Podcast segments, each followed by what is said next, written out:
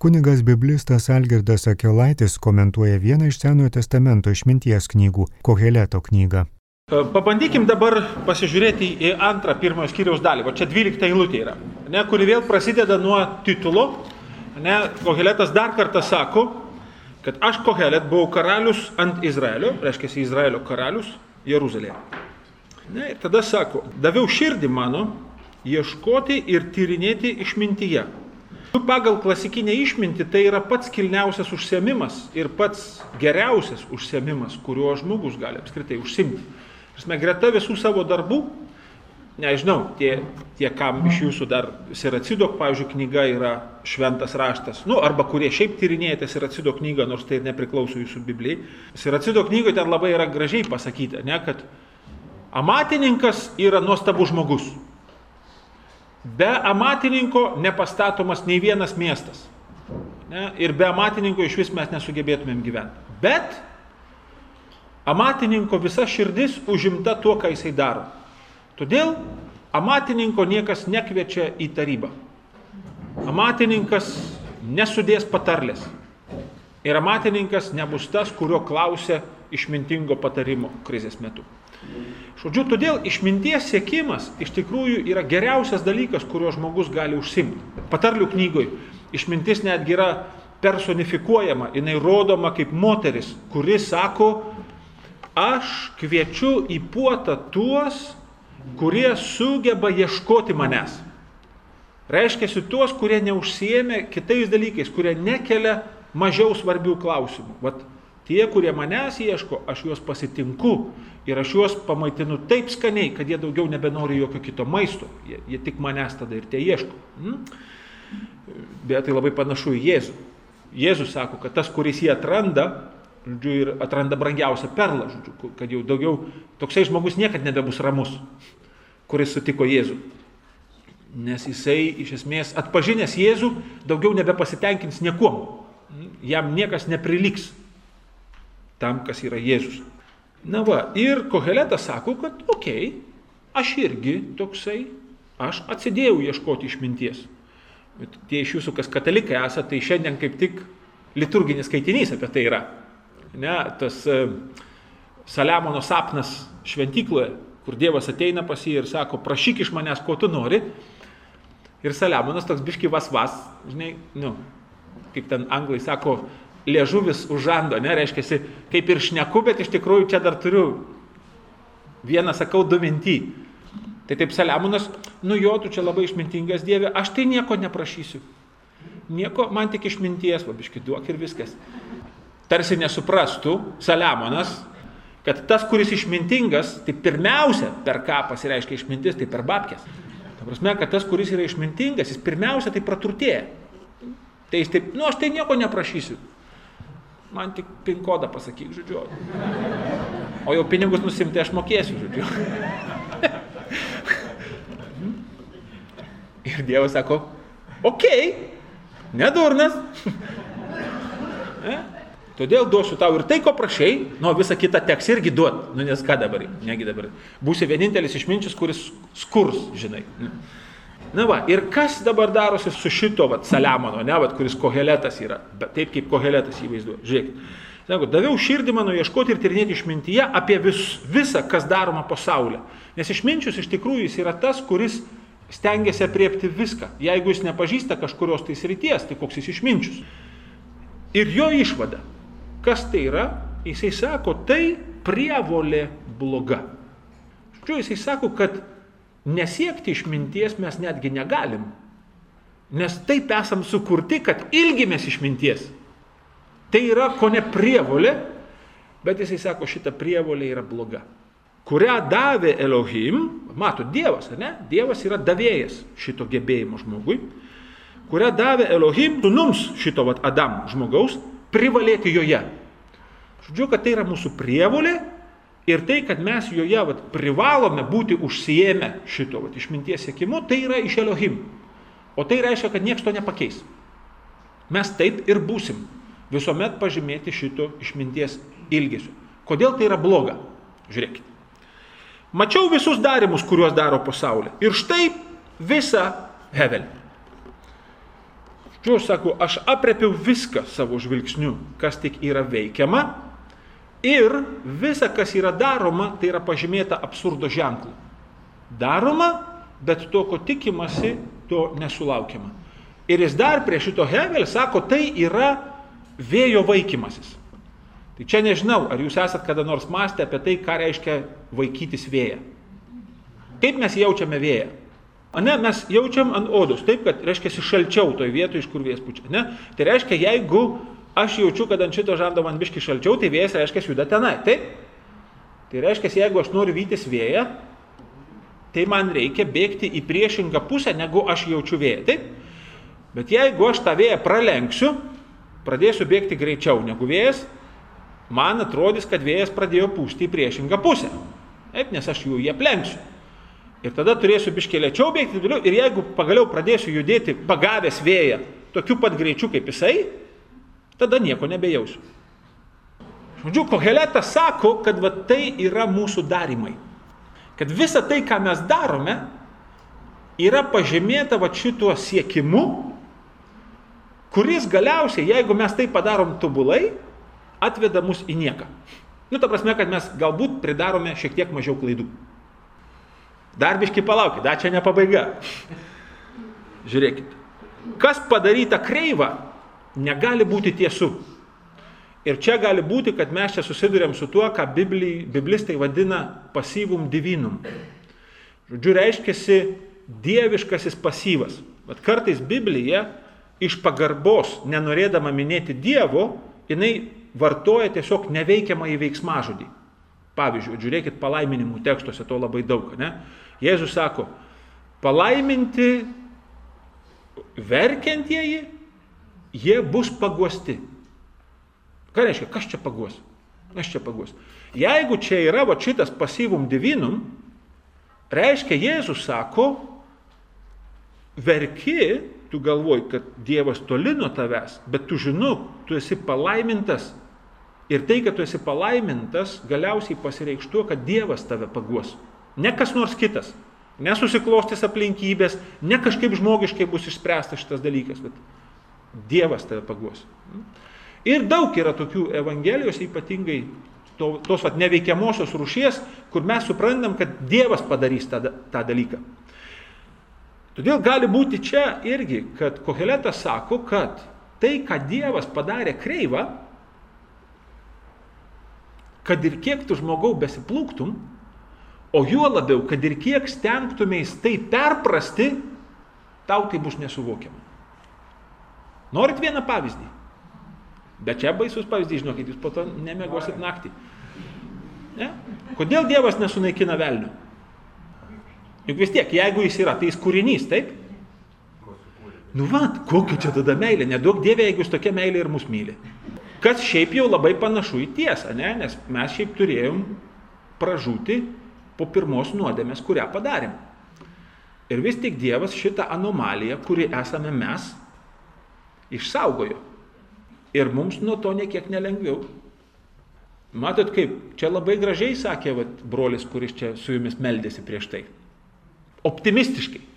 Sakė, o kaip toli nuo rytų vakarai nusviedžia nuodėmės. O kas ištrins atmintį? Nu, ką žinai, ar mirtis ištrins atmintį. Nes jeigu minti, mirtis ištrins at, va, tą atmintį, tai reiškia, tada mes nebeišliksim kaip asmenys. Nes jeigu aš nebeturiu atminties, aš esu mankurtas. O jeigu aš esu mankurtas, reiškia, mano asmenybė yra sunaikinta. Žodžiu, vaikučiai, čia žinokit, kuo eini į mišką, giliau, tuo storesni partizanai. Mes su jumis esame išminties literatūrai ir kartais, kartais, vat, religinė poezija, jinai sako dalykus, kad mes galėtume melstis. Ne, nes mums reikia kažkaip tai melstis. Nu, mes turim kažką pasakyti Dievui. Kaip čia Augustinas sakė, ne? Gėdojo, gėdojo ten visą tą giesmę ir sakė, ar aš ką nors pasakiau apie tave mano saldybę. Bet vargas tylintiems apie tave. Žodžiu, kaip ir nieko nepašnekėjau, bet neduok Dievė, jei nebūčiau prabilęs. Tokia irgi biški absurdiška situacija, bet čia, žinokit, čia mes esame išminties literatūroje. Čia Hebra žodžiais nesisvaido.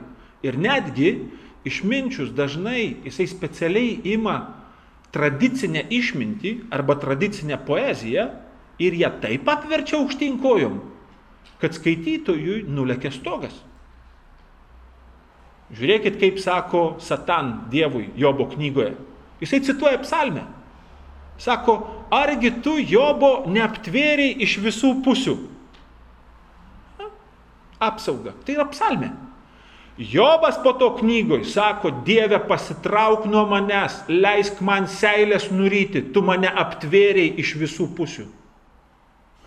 Duok man bent atsikvėpti, nes tu mane laikai kaip narve. Hmm? Kaip egzotišką gyvūną mane pasistatėjai. Hmm?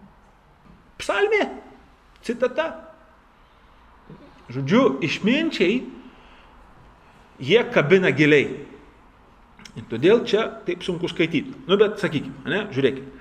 Kas padaryta kreiva, negali būti tiesu. Ir trūkumas negali būti skaičiuojamas. To, ko nėra, mes apie to tai net negalim apibūdinti. Bet čia gali būti dar gilesnė įžvalga. Vat, ką reiškia, kad kažko tai nėra?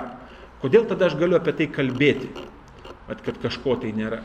Čia gali būti, kad koheletas jisai kabina dar gilesnę mintį, kad tai, kam mes neturime žodžio, vat, ko mes ne, nemokame pavadinti, mes to dalyko nematome. Tai galbūt netgi ir yra, Bet kadangi mes šito dalyko pavadinti nemokam, akli esam tos tikrovės atžvilgių. Aš manau, kad jūs visi su tuo esate susidūrę. Nu, ma, didžiuma bent jau iš jūsų. Negi jūs nesat susidūrę su žmonėmis, kurie sako, aš nenusidedu. Ne? Žodžiu, čia yra taip akivaizdu, kad net po to norisi į veidrodį pasižiūrėti. Ne? Nes mes esam labai panašus Negi jūs manot, kad mes atpažįstam visą savo nuodėmės? Ne. Bet kai kuriuom savo nuodėmėms mes net žodžio neturim. Todėl mes jų nematom. Ir su viltimi laukiame laiko, kad Dievas tiek užaugins mūsų meilę, kad pagaliau mes tiek mylėsim save, jog Dievas galės pagaliau pasakyti tą žodį, kurį mes išgirsim, atpažinsim tą savo nuodėmę ir nenužudysim savęs pasišlikštėję. Na, kol kas, kol dar tiek nemylim savęs, dar nelabai galima mums sakyti savo nuodėmės. Nes gali būti, kad tada sakysim, šitas nevertas gyventi. Ir pasmerksim patį save. Pavyzdžiui, net leidimui. Ne? Kaip kai kurie žmonės sako, man Dievas net leido.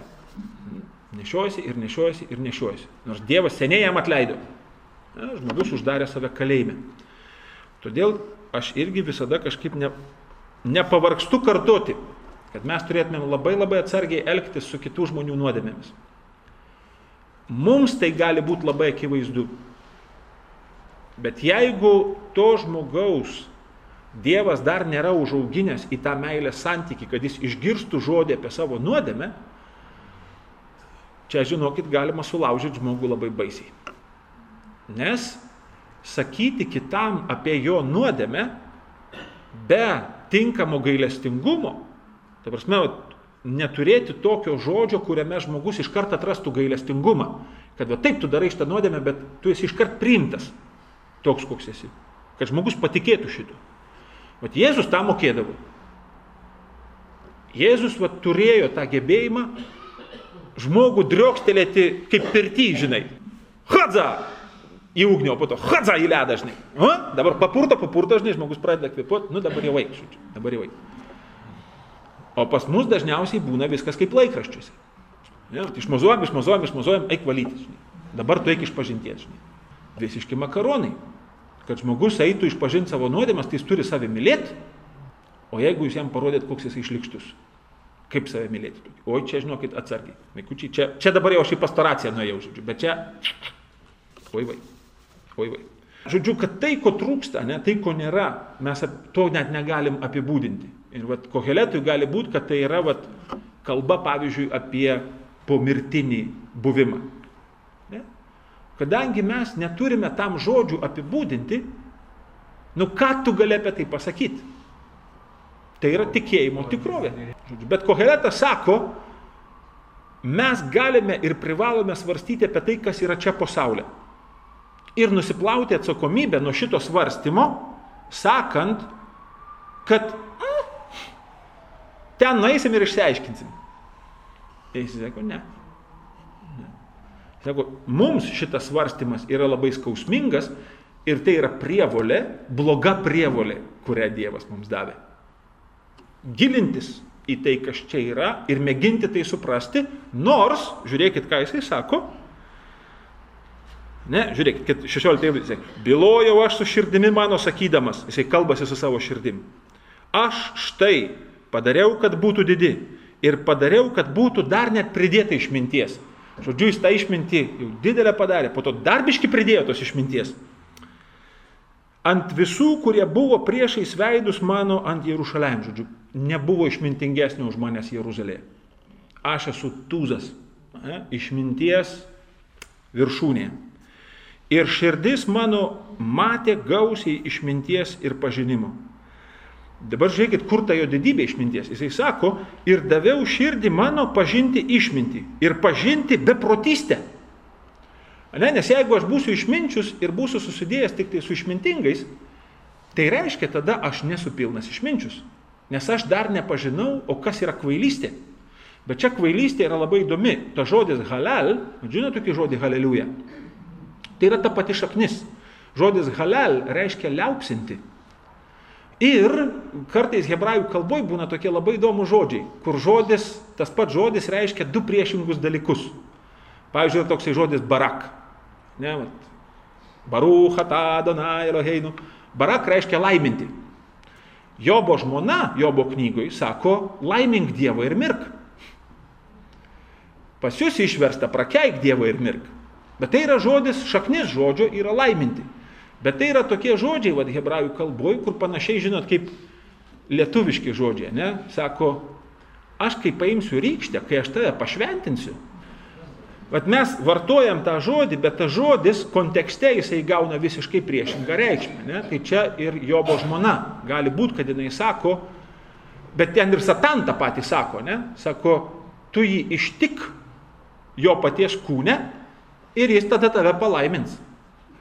Ne, kad reiškia, prakeiks jisai tave.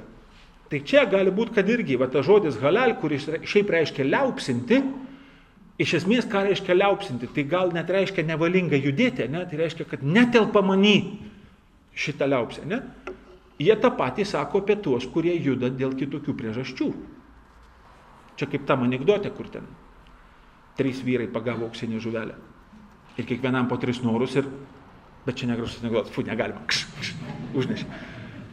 Žodžiu, kad tai gali būti, jog tai yra tas, kuris, ne, beprotis beprotis, tas, kuris turi protinę negalę. Bet šitas žodis halal, jisai gali reikšti žmogų, kuris yra neįgalus protiškai. Ir šitas, vat, koheletas sako, aš atsidėjau net ir šitai tyrinėti. Net ir tai, kas yra beprotystė ir kas yra kvailumas, ne, va tas sikliut. Pažinau. Tai taip pat net ir šitai. Jau šitas mano gilus vat, svarstymas ir šitai yra vaikymasis vėjo kaip ir yra ką svarstyti, bet vertės iš to jokios nėra. Kodėl?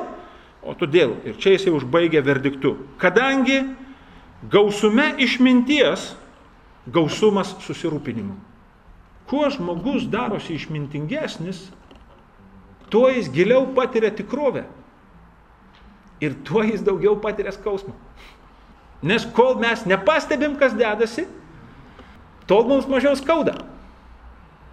Čia Markas Tvenas, man atrodo, jam priklauso šitas apibrėžimas žmogaus. Jis tai tokia sentencija yra pasakęs. Kas yra žmogus, sako. Žmogus tai yra gyvūnas, kuris supranta, kaip turi būti. Ir drauge supranta, kad taip nėra. Iš esmės tai yra koheletas tik pasakytas kitais žodžiais. Gausume išminties, gausumą susirūpinimo. Ir padarius, kad būtų pridėta pažinimo, daroma, kad būtų pridėta skausmo. Pabandykite tai paneigti. Bandykite tai paneigti.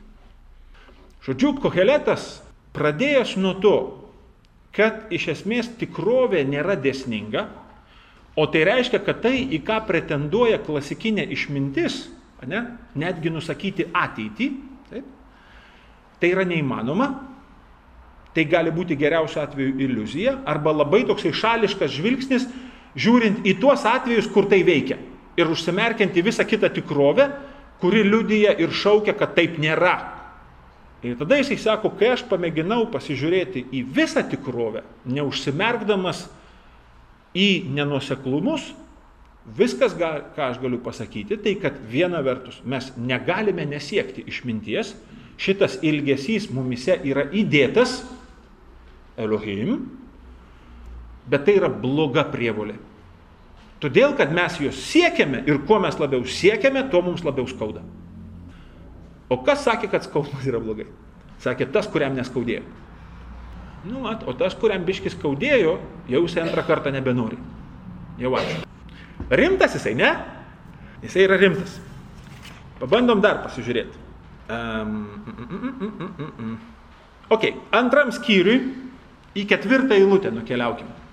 Kita pusė lapo, antram skyriui ketvirtą eilutę. Jisai sako, padariau didžius darimus mano.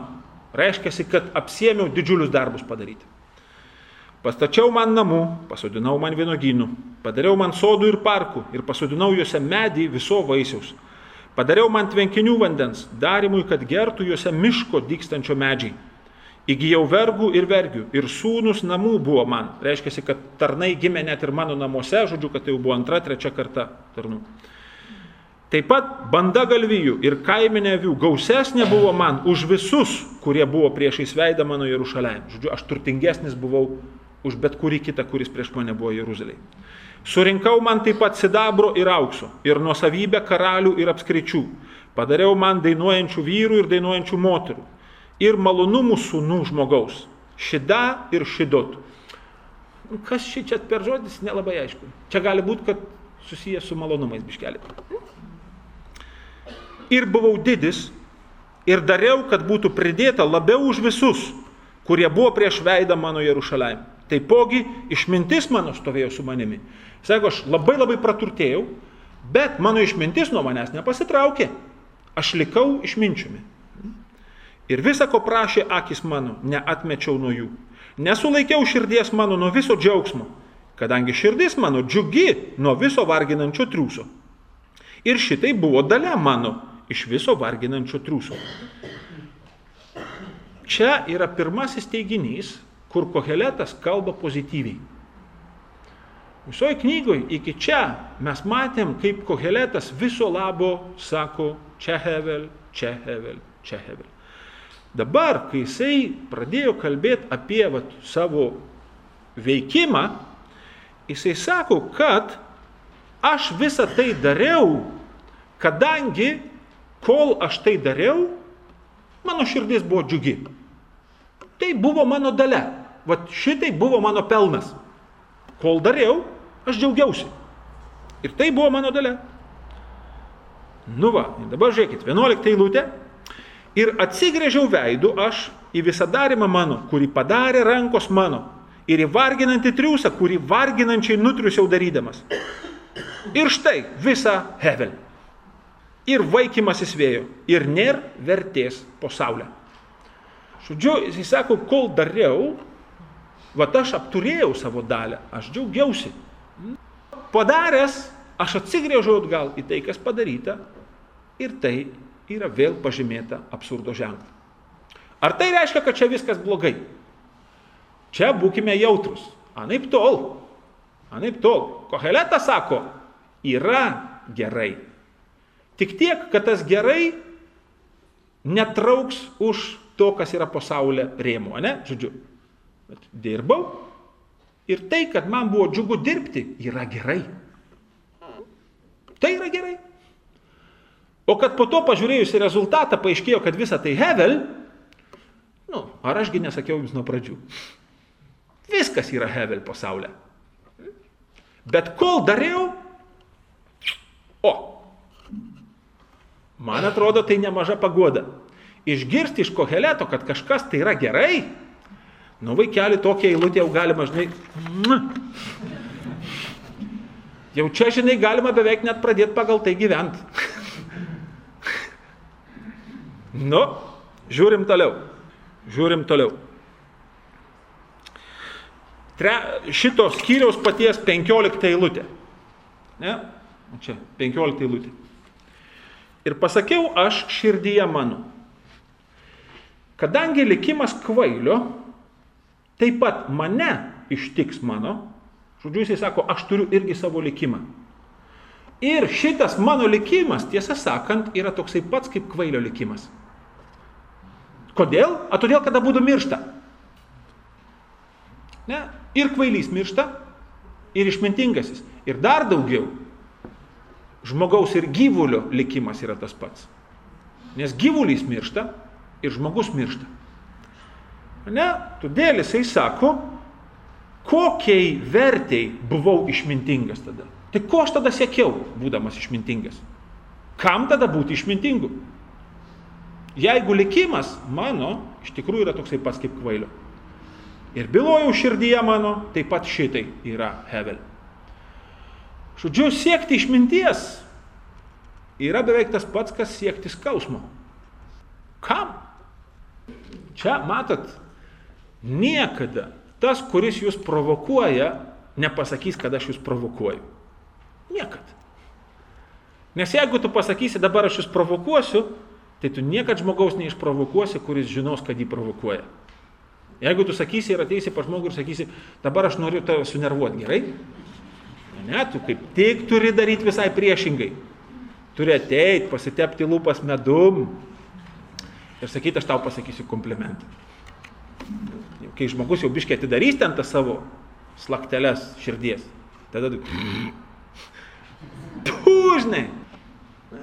Tik taip gali žmogų išprovokuoti. O kaip tu kitaip tą padarysi? Ką jūs galvojate, aš čia šiaip su sutana atvažiavau. Čia tam, kad jūs nesitikėtumėt. Jūs galvotumėt, kad aš kažką gero jums pasakysiu. Taip ir Jėzus darydavo, aš jums garantuoju. Jisai būdavo kaip tų universitetų, kur priema didelius kursus, prieimimo komisija. Ateikit, ateikit, ateikit, sakydavau, priimsiu visus. Tada visus į sietą uždengia. Hadza, hadza, hadza, hadza. Kodėl jis taip darydavo? Nes jis ieškojo ligonių. Todėl, kad atidarius sietą visi sveikėjai pabėgdavo. Jisgi sakė, man reikia ligonių. Tai tie, kurie jau ten nebepasikeldavo, tai tada susirinkdavo, sakydavo, nu atsiprašau, atsiprašau sakydavau, nu negi tu būtum pats išdrysęs pasakyti, kad ligonis. Taigi, nu nebūtum, nu nebūtum, nu viskas. Dabar jau matai, matau, aikš. Žodžiu, žiūrėkit, kodėl dar yra, vat, Hevel būti išminčių. Todėl, kad, va 16 eilutė, kadangi nėra atminimo išmintingajam su kvailiu amžiams, kvailys bus pamirštas ir išmintingasis bus pamirštas. Tose, ane, dienose, kurios jau įeinančios, visi užmiršti. Ir kaip miršta išmintingasis su kvailiu? Kas tai per skandalas? Kad tas, kuris stengiasi perprasti šitą tikrovę, o tai reiškia stengiasi pažinti Dievo kūrinijos grožį, buvo Dievo bendradarbis, nes stengiasi vertinti ir pažinti tai, kas Dievo yra, kaip taip gali būti. Kad jisai miršta lygiai taip pat, kaip tas, kuris gyveno visiškai nusispjovęs ant šitos tikrovės. Kaip taip gali būti? Hmm? Ir nekenčiau gyvenimo. Gražu, taip.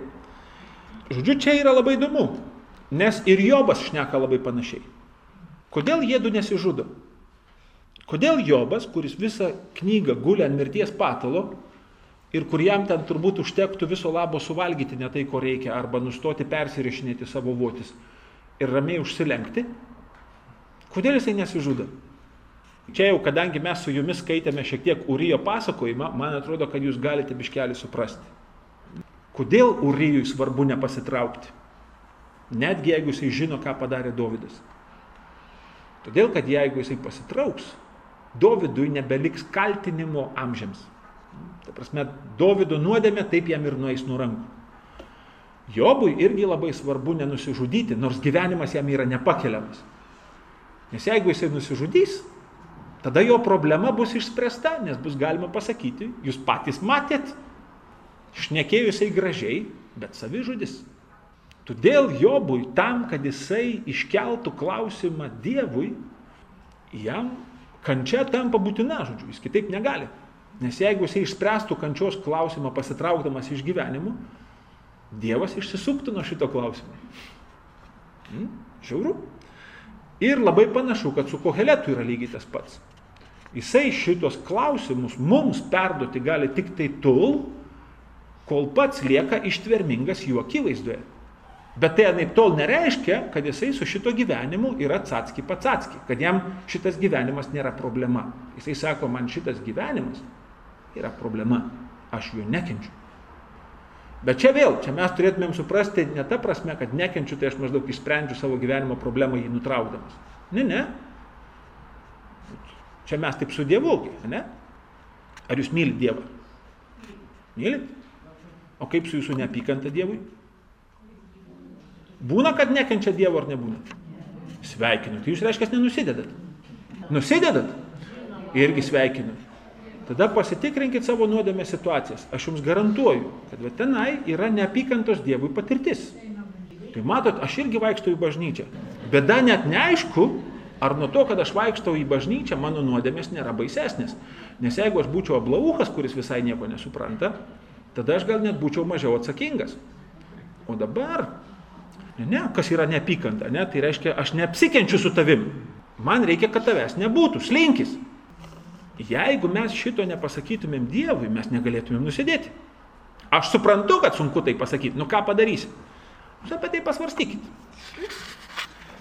Žodžiu, Koheletas sako, aš nekenčiu gyvenimo.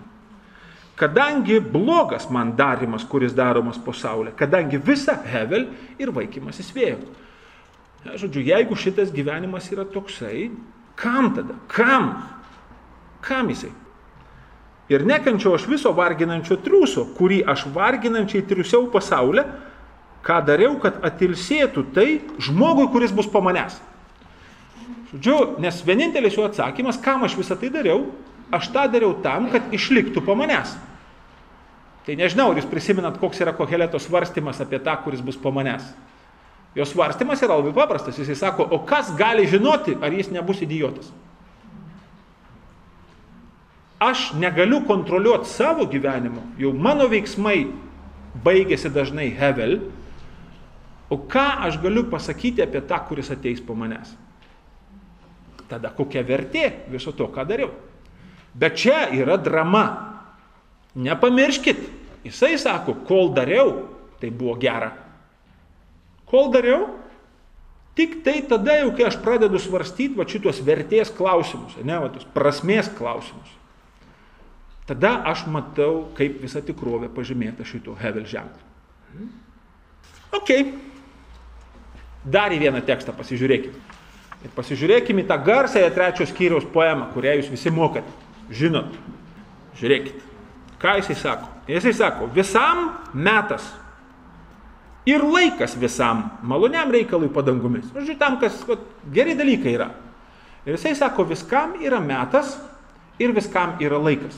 Čia labai svarbu, jis naudoja du labai rimtus žodžius. Kuo skiriasi metas nuo laiko? Metas yra momentas, o laikas yra chronos. Jo, žodžiu, metas graikiškai vadinamas kairos, reiškia proga.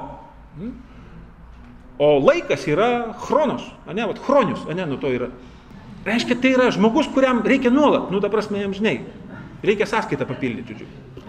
Nu, vat, ir ten taip labai gražiai, žodžiu, ten tokioj mitologijoje graikų yra labai gražiai tas kairos, jis yra vaizduojamas kaip berniukštis su ilgais plaukais, žodžiu, bebėgantis, kurių plaukai yra surišti į kasą ir maždaug jis yra vaizduojamas kaip tas, kurį reikia pagauti už tos kasos.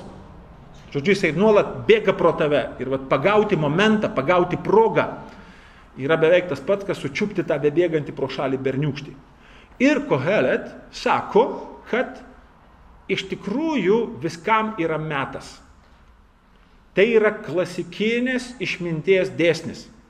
Klasikinė išmintis biblinė visada sako, kad gerus darbus reikia daryti gerų laikų. Nes jeigu tu padarysi gerą darbą negeru metu, vaikeli, viskas gali būti dar blogiau. Hmm? Žodžiu, va tas tinkamumo klausimas. Ar tu tinkamu metu padarai gerą veiksmą? Tai yra klasikinės išminties dėsnis. Tikrai klasikinė išmintis sakys, kiekvienam geram dalykui yra metas. Ir Koheletas tą kartoja, bent jau pirmoji lūtė. Bet žiūrėkit, kaip jisai rašo šitą poemą. Jisai sako, laikas gimti ir laikas mirti. Jis nesako metas gimti ir metas mirti. Žodžiu, gali būti, kad visa šita poema yra didžiulė, didžiulė koheleto ironija. Jisai sako, mes puikiai suvokiam, kad viskam yra tinkamas metas. Bet būdami žmonės, mes turėtumėm susitaikyti su tuo, kad niekad į šitą tinkamą metą taip ir nepataikysim, nes mums viskas yra laike. Mes nesugebam atpažinti, kad dabar 3, 2, 1, va dabar gimdysiu. Arba, nu, dar už 15 sekundžių man bus pati geriausia diena mirti. Mums viskas yra laike. Ir dar baisiau galima sakyti, mums viskas yra nelaiku. Čia tik tai grupė vairas galėjo dainuoti. Gimiau nei per anksti, nei per vėlai. O su mirtim, nu apie mirtį jie dar nedainavo, gal dar spės, nežinia. Na, bet iš tikrųjų koheletas gali būti, kad jisai čia užsiema kalbėti labai ironiškai ir visa šita jo poema yra su tokia sarkastiška šypsena klasikinės išminties akivaizdoje. Jisai sako, kad taip, klasikiniai išminty daug yra kalbama apie šitą tinkamumą, kad yra va, tinkamas metas daryti tą ar kitą veiksmą. Bet mes maklinėjam kaip aklikačiukai. Mes darom, nes mes privalom daryti, mes negalim nedaryti. Mes esam įstumiami į tokias situacijas, kai turim daryti apsisprendimą. Bet kada yra tinkamas metas tam dalykui daryti? Nebent po to, kada nors mes atsigrėžiam ir sakom, tada tai visiškai tamsoj dariau, o paaiškėjo, kad kaip aš gerai tada padariau. Koheletas sakytų, matai, matai, Hevel, Hevel, tai tu darėjai. Iš tikrųjų ten rezultatas turėjo būti labai prastas, o gavosi gerai. Reiškia, Hevel. Reiškia, pasiekmes tavo buvo kurčios priežastims. Kuningas biblistas Algirdas Akilaitis komentavo vieną iš Senojo testamento išminties knygų - Koheleto knygą.